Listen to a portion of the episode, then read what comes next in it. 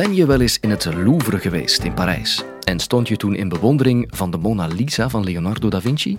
Maar hoe weet je zeker dat je het origineel hebt gezien? Zelfs restaurateurs of kunstkenners hebben al wel eens moeite om een origineel van een vervalsing te onderscheiden. Herken jij een schilderij dat door een robot is gemaakt? Of herkent een robot een vervalsing?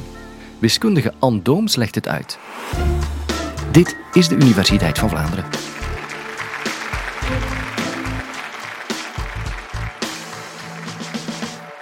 Het maken van kunst wordt gedreven door onze zintuigen, ons brein en emoties. Nu, het digitale tijdperk bracht zintuigen en een brein voor robots. Want door middel van sensoren kunnen ze zien, voelen en horen. En door middel van een computer kunnen ze denken, leren en acties uitvoeren. Hun motoren zorgen eigenlijk voor spieren waardoor ze kunnen bewegen. Is dit alles nu voldoende om robots zelf kunst te laten maken? We laten ons beginnen met eens te kijken hoe een robot kunst waarneemt. Wel, een robot kijkt naar een schilderij door middel van zijn camera. En die levert hem een digitaal beeld aan. Dat is opgebouwd uit pixels. Dat zijn kleine gekleurde blokjes. Nu, wanneer we inzoomen op een foto, zien we die pixels verschijnen. In je camera is dit echter gewoon een hele grote tabel met getallen. En dus kunnen we die tabel eigenlijk inlezen in Excel. Die getallen variëren tussen 0 en 255. En die beschrijven eigenlijk de hoeveelheid rood, groen en blauw licht die de lichtsensoren in je camera meten op die welbepaalde plaats. Nu, het kleine schermpje van je camera of van je smartphone, maar ook je computer en je tv, tonen het overeenkomstige beeld door op die bepaalde plaats lampjes van de juiste kleur op te lichten en met die wel bepaalde sterkte. Wanneer we dit principe toepassen in Excel, dan zien we inderdaad die gekleurde blokjes verschijnen. Per pixel hebben we zo 256 mogelijkheden voor zowel rood, groen als blauw. Nu, op een echt scherm zitten die lichtjes natuurlijk veel, veel dichter bij elkaar, waardoor dat we echt een heel mooi kleurenpalet krijgen waarmee we de werkelijkheid heel goed kunnen benaderen. Een computer kijkt dus naar een schilderij via zijn camera. En die camera die imiteert zoals ons oog werkt. Ons oog meet ook het binnengekomen licht, zet dit om in elektrische signalen en stuurt dit door naar onze hersenen. Daar wordt het omgezet in een beeld dat wij meteen kunnen interpreteren. Nu, hoe werken de hersenen van een robot zodanig dat hij kan zien wat er op zo'n beeld staat? Wel, voor hem is dat beeld dus een hele grote tabel van getallen. En hij kan dus gaan analyseren wat er op het beeld staat door middel van wiskundige bewerkingen. Bijvoorbeeld door het nemen van eenvoudige verschillen tussen opeenvolgende pixelwaarden kan hij dus heel snel plotse overgangen tussen kleine en grote getallen gaan waarnemen en daarmee dus randen en ook vormen gaan ontdekken. Om nu te gaan interpreteren wat hij dan juist ziet, dat is een heel andere zaak. En dat is nog een van de grootste digitale uitdagingen binnen de artificiële intelligentie. Alleszins, wanneer een robot dus zou kijken naar de sterrennacht van Van Gogh, dan kan hij dus via het analyseren van de randen die penseelstreken die Van Gogh zo typisch maakt, gaan analyseren en ook de hele compositie van het schilderij. Nu kunnen we onze robot ook heel veel Van Gogh schilderijen gaan tonen. En dan kan hij tussen al die beelden, al die randen gaan onderzoeken en gaan vergelijken. En zo kan hij eigenlijk patronen gaan ontdekken in de lengtes en richtingen van die penseelstreken. En op die manier kan hij dus de artistieke schilderstijl van de schilder in kaart brengen, maar in geleerde reeksen van getallen. Nu, kent de robot pas echt de hand van de schilder als hij met die geleerde reeksen van getallen namaakschilderijen zou kunnen ontdekken. In het Van Gogh Museum zijn er nog steeds een aantal werken waarvan het museum al dan niet weet of ze echt zijn. En dus deze digitale schilderijanalyse trok meteen de aandacht van de conservatrice.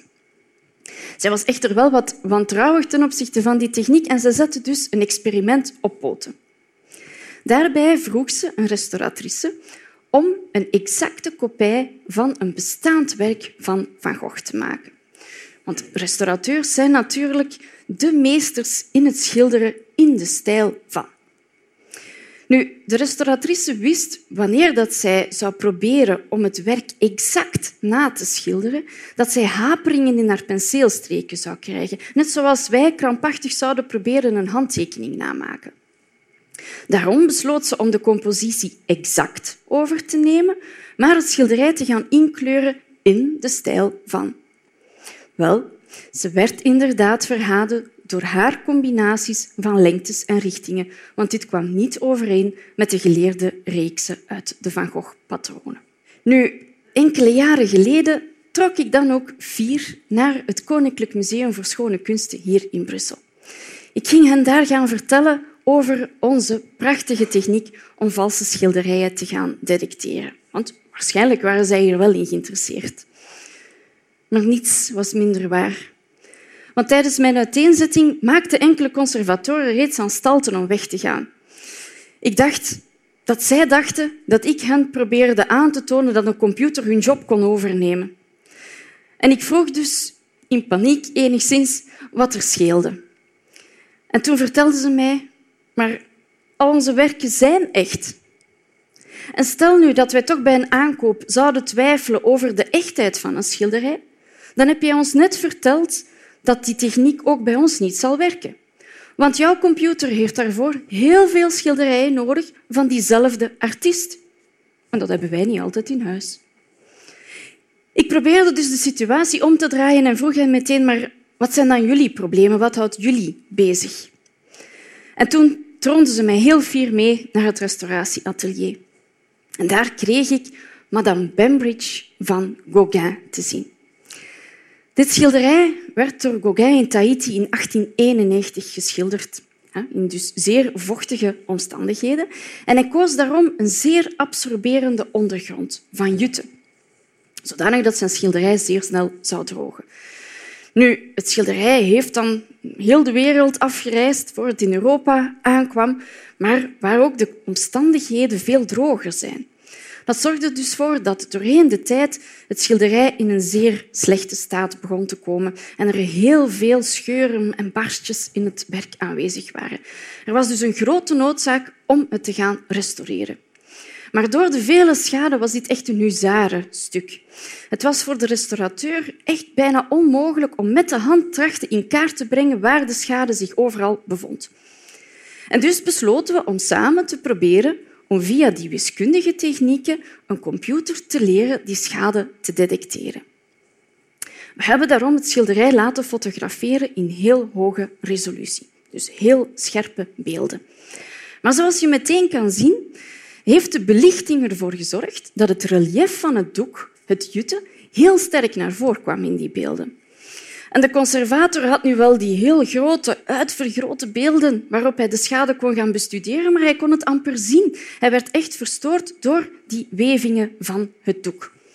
En wat we dus allereerst geprobeerd hebben, is om met wiskunde die ritmische wevingen te gaan modelleren. En dat is gelukt.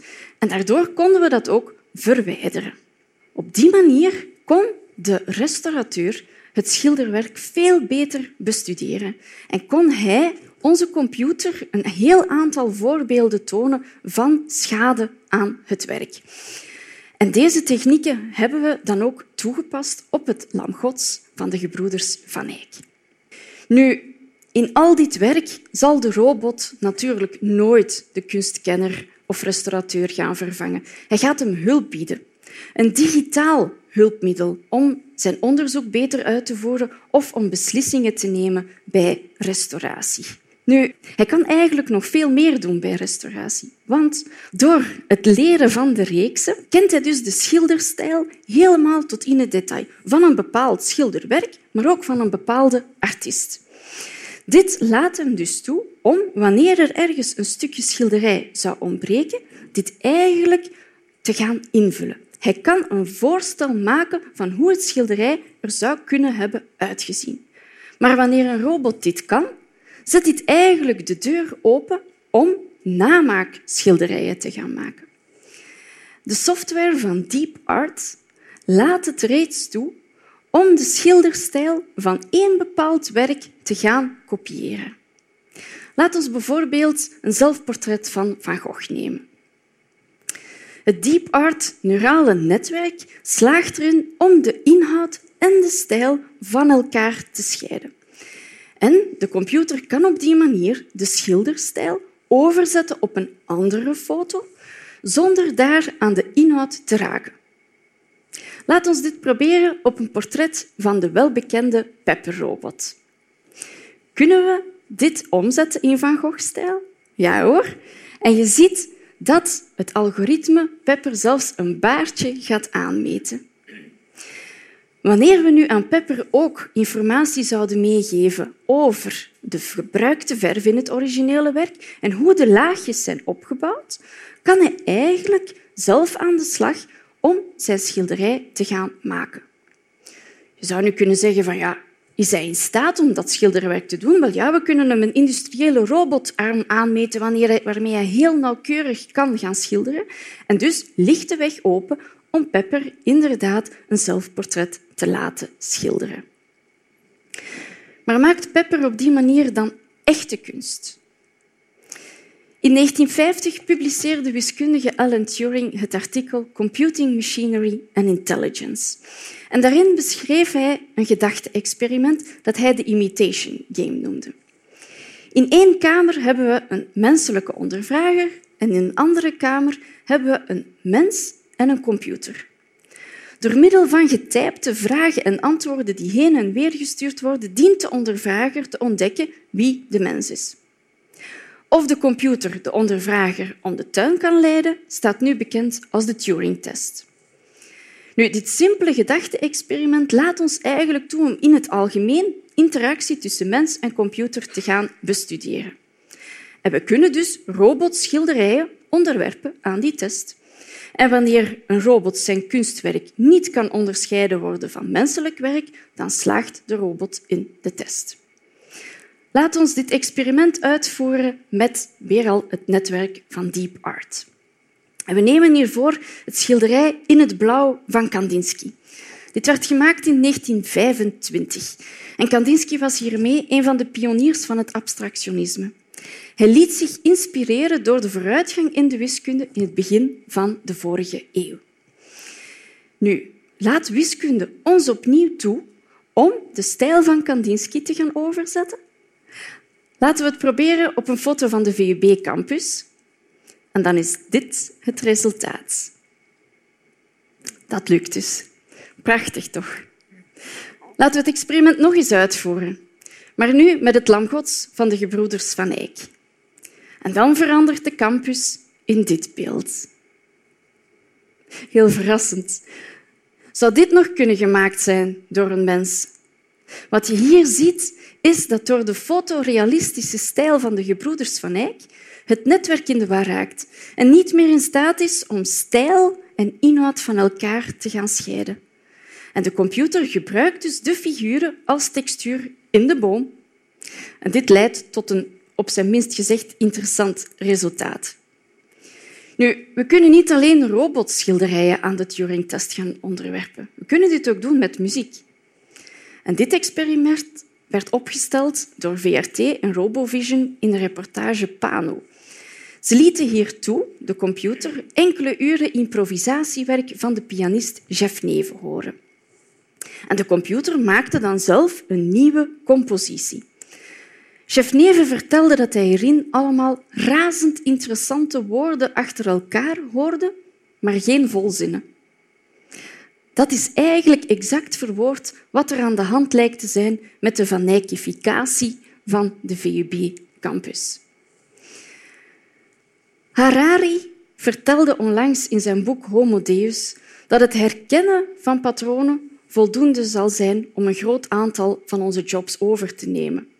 Maar het lijkt alsnog niet voldoende om een kunstenaar te worden. Moeten we hiervoor patronen kunnen interpreteren? Alleszins zal het werk dat door robots nu wordt gemaakt kunstenaars inspireren om nieuwe vormen van kunst te maken, net zoals Kandinsky 100 jaar geleden werd geïnspireerd door nieuwe wiskunde. Waarschijnlijk zal de robot de compaan worden van de schilder in zijn atelier en zullen ze samenwerken aan co-creaties tussen mens en machine. Ik vind het alleszins fantastisch om mij mee te kunnen aanbouwen. Zal men ooit kunnen een autonome kunstrobot maken? Ik weet het niet. Maar zijn kunstwerk zal alleszins spreken in de taal van de wiskunde. Weet je wat zeker wel echt is? Onze podcasts. Dat is immers 100% wetenschap, 100% waar. Wil je meer inspiratie en leuke weetjes? Vergeet ons niet te volgen op sociale media. En dat kun je doen terwijl je nog een leuke podcast beluistert.